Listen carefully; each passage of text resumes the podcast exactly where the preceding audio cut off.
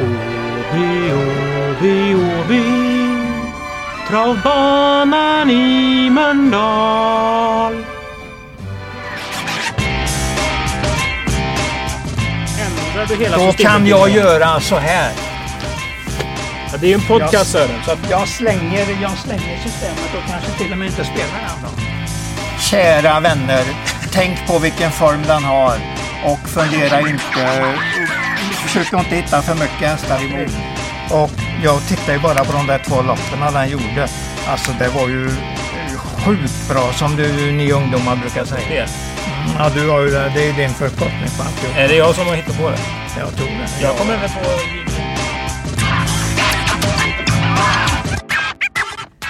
Hejsan på er och välkomna till eh, Travkött. I vanliga fall så är det Sören Englund som eh, står vid min sida. Men nu är det ett litet eh, sommarspecial där vi eh, ska prata med en av Åbys proffstränare. Välkommen säger jag till Admir Sukanovic som är eh, tränare för Staldenkos hästar. Tack så mycket Kristoffer. Hur mår du? Jag mår bra. Det är varmt, det är skönt ute. Eh, ja, man får njuta så länge vi har den här värmen. Och eh, vi ska börja som man gör i många eh, stora poddar med en faktaruta. Fullständigt namn. Ademir Sukanovic, Ålder. 35. Hur skulle din bästa vän beskriva dig? Oj. Eh, tidsoptimist och snäll skulle jag tro. Är det bra egenskaper? Eh, eller kan de bli dåliga? Ja, det är klart de kan bli dåliga. Om man är för snäll så blir, du, eh, blir man utnyttjad. Har du blivit det?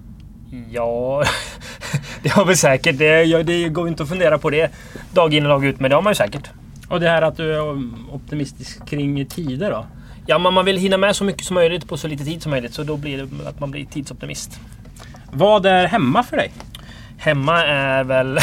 Det är väl stallet tänkte jag säga. Det är väl där man tillbringar större delen av sin vakna tid. Men det är klart, hemma är ju hemma hemma. När man kan eh, koppla av och, och eh, vara med mina barn och, och eh, ibland tänka på annat än bara hästar. Var bor du då? Jag bor i uh, Björketorp, uh, en litet samhälle i Marks kommun.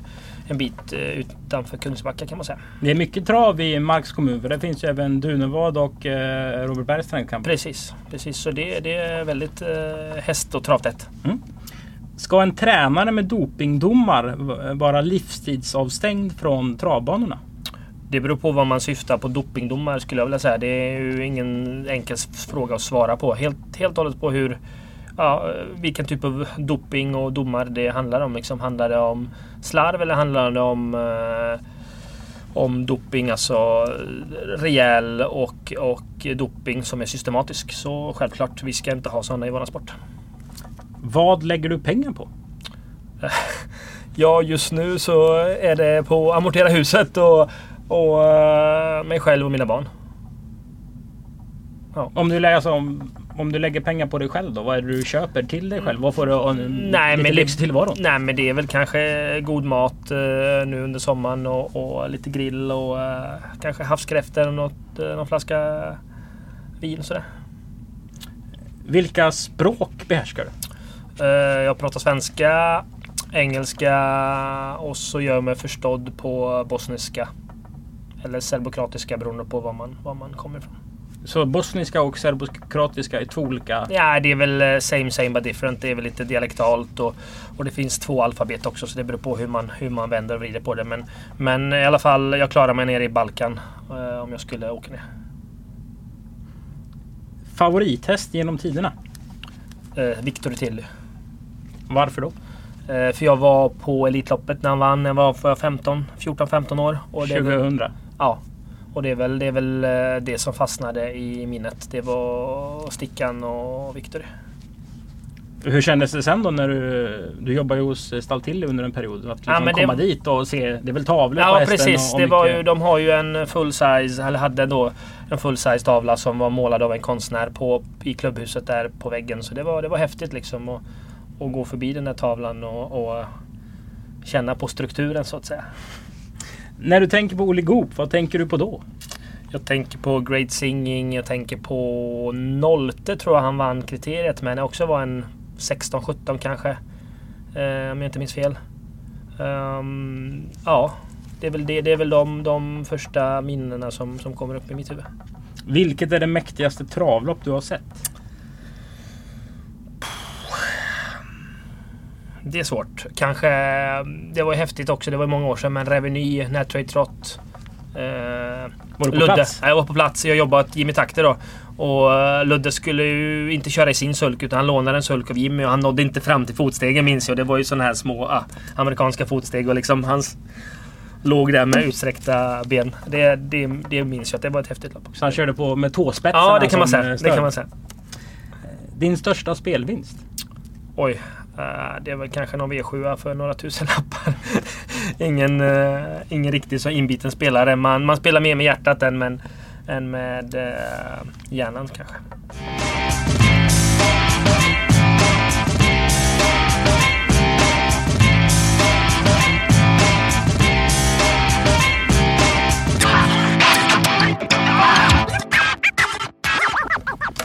Om vi börjar eh, bakifrån. Du, du, nämnde att du kan eh, bosniska, serbokratiska. Eh, och eh, berätta lite om den bakgrunden. Jag kom eh, till Sverige som sjuåring 92 med min mamma. Eh, det vart ju ett inbördeskrig där nere och eh, hade två morbröder och moster som bott i Sverige sedan 70-talet och de tyckte att ja, vi kunde komma upp ett par månader tills det lugnat ner sig. Men morsan ville ju inte liksom lämna hus och hem och alla djur och gården och allting. Men till slut så var vi tvungna att ge oss av och eh, ja, eh, 28 år senare så står jag här idag. Eh, så ni hade djur eh, på gården ja, i... precis, precis. Säger man Bosnien? Bosnien, Bosnien. Precis. Var det tidigt att du hade ett intresse för djur? Ja, det var det. Det var ju liksom eh, höns och hundar och katter och kor och, och uh, min morfar hade arbetshästar på den tiden det då begav sig. Så det är klart, vi var ju liksom omkring djur uh, hela dagarna. Hur mycket av eh, det tragiska som hände under den perioden har du tagit med dig i livet och även tog med sig när du kom då som sjuåring? Var det så liksom att du såg grannen bli smälld av en jo, det, jo, det är klart. Man har, man har ju sett en del, en del skit i sitt liv. Men det processar man med åren. Det är ju så. Eh, det här uttrycket tiden läker alla sår. Det är ju, det är ju på sätt och vis sant. Alltså man, man processar ju allt vad man varit med om. Det är klart. Eh, och så tar man med sig det och det, det, är, ju, det är ju på gott och ont. Man, eh, man växer upp lite snabbare och man, man, man tar inte saker för givet kanske i, i, i om man drar det till, till sin spets. Så liksom, man uppskattar ju livet på ett annat sätt. och man man, eh, man önskar att fler kanske borde göra det också. Inte vara med om det, det som en annan har sett. Men, men liksom att man, att man... Eh, skitsaker ska man egentligen bry sig om. Men eh, det är klart, alla, alla, alla har ju sitt bagage och man, man reagerar på olika saker. Så om du ser en, en fotbollslandskamp då med eh, säg, vad, vilken, vilken andra sidan? Var det Jugoslavien eller om det var kroater? Kan du liksom, äh, gött att de förlorar. Finns det lite hatkärlek till dem som ändå var de elaka? Nej, det, det, tror jag inte. Utan det är väl mer det är väl mer politiskt det där utan det är ju, det är ju så uppblandat så, så det, är ju, det är ju... Vissa vill ju, har ju, håller ihop fortfarande och andra, andra håller sig på sin kant. Vad väntade en sjuårig Admir då när man flyttade till eh, Ja, vart flyttade du? Ja, det var ju Göteborg i första, första tiden. Ja, det är klart, det var ju en, en eh, så kallad flyktingförläggning första tiden innan man fick reda på om man skulle få vara kvar i landet och så vidare. Och, och hela den, den asylprocessen skulle gås igenom. Och sen så flyttade vi ett tag till eh, till Götene, bodde där i x antal månader och när vi fick eh, permanent uppehållstillstånd då fick vi flytta tillbaka till Göteborg. Och där har vi i princip växt upp i Göteborg sen, sen jag var eh, åtta och ett halvt, nio år gammal. Vilken del av Göteborg är liksom? Hisingen. Hisingen. Hisingen. Hisingen Island. Hisingen Island. Så det är, det är jättebra uppväxt på Hisingen. Och gick i samma skola i sju, sex, sju år. Och, nej, men det, det är mm, kanon liksom.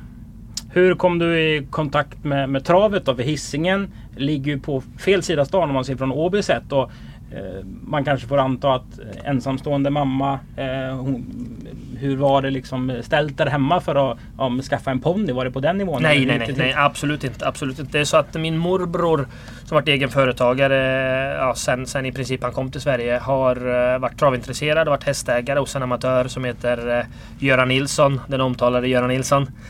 Um, och på den vägen är det att eh, jag börjar springa i stallet hos Göran ute i Säve. Och det ligger på Hisingen då, Säve. Och eh, ja, eh, bara, bara där lite på helgerna och sen när han flyttade sin verksamhet till Åby och började samarbeta med Jörgen Wickman så började jag ta spårvagnen in till, eller bussen in till stan och sen pendeln in till Mölndal.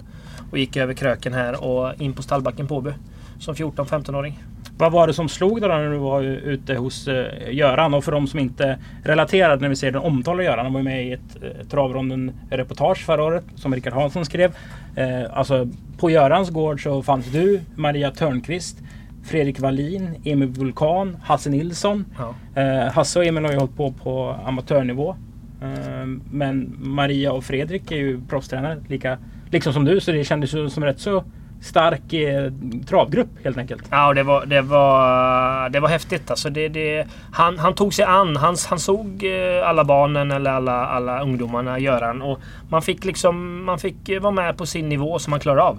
Och det, det tror jag var uppskattat. Väldigt uppskattat. När du själv nu har fått barn eh, och förstår vad det finns för faror runt varje hörn och sådär. Eh, kan du tycka det är ännu mer obegripligt eller svårt att ta in det här hur Görans verksamhet var uppbyggd. För det var väl 10-15 barn i princip som skötte stallet på något vis och han var med och visade lite. Ja det kunde vara. Alltså, ena helgen kunde det vara 4-5 ungdomar och andra helgen så var det bara han och, och någon praktikant och någon anställd. Liksom. Så det, det, det, gick lite i vågor det där. Men, men alltså han, han förlitade sig på att man klarar av det man klarar av och det funkade liksom. Det var, det var inte mer med det. Vilken var den första hästen du körde? Oj, det minns jag inte. Det var alldeles för äh, länge sedan att jag ska komma ihåg namnet på den.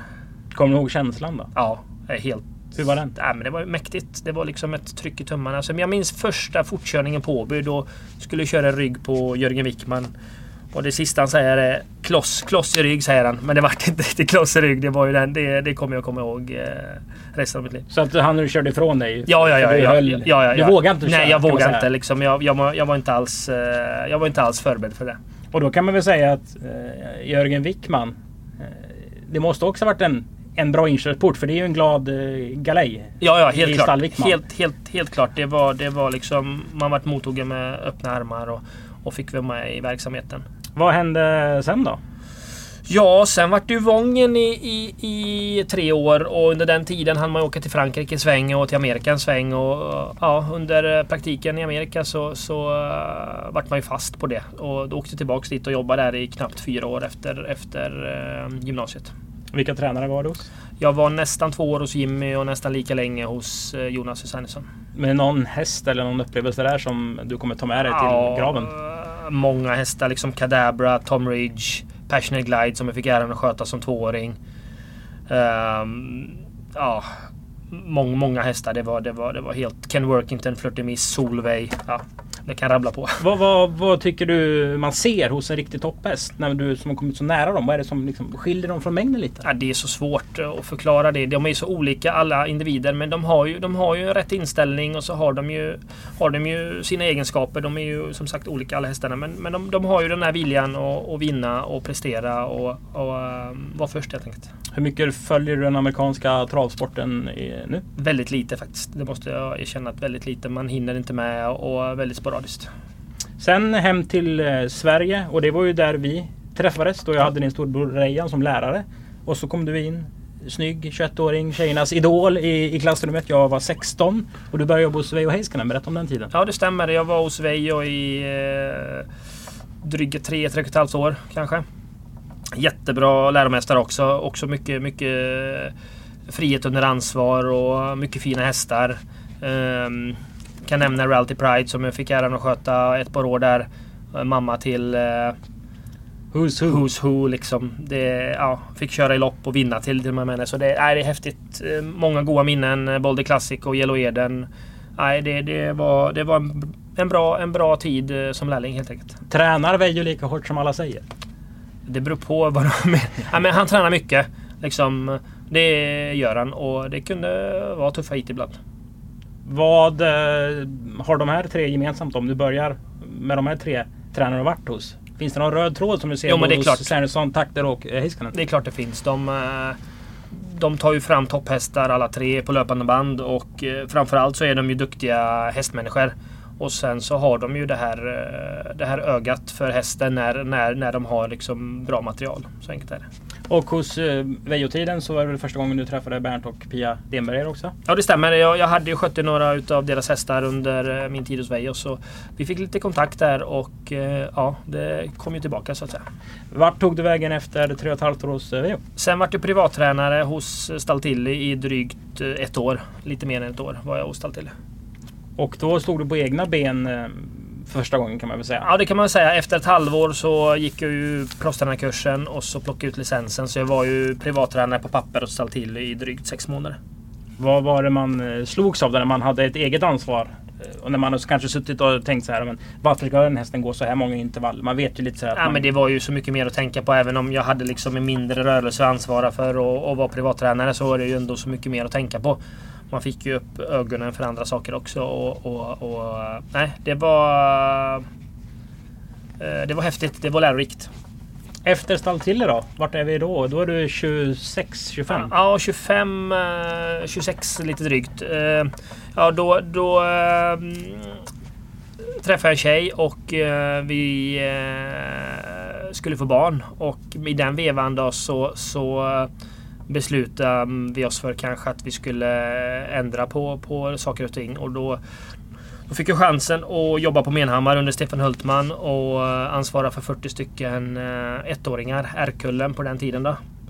Och eh, med tanke på att jag skulle få familj eller bilda familj så var det ju lika bra att eh, ta den chansen. Och det var också jättelärorikt och ett år som var kanonbra.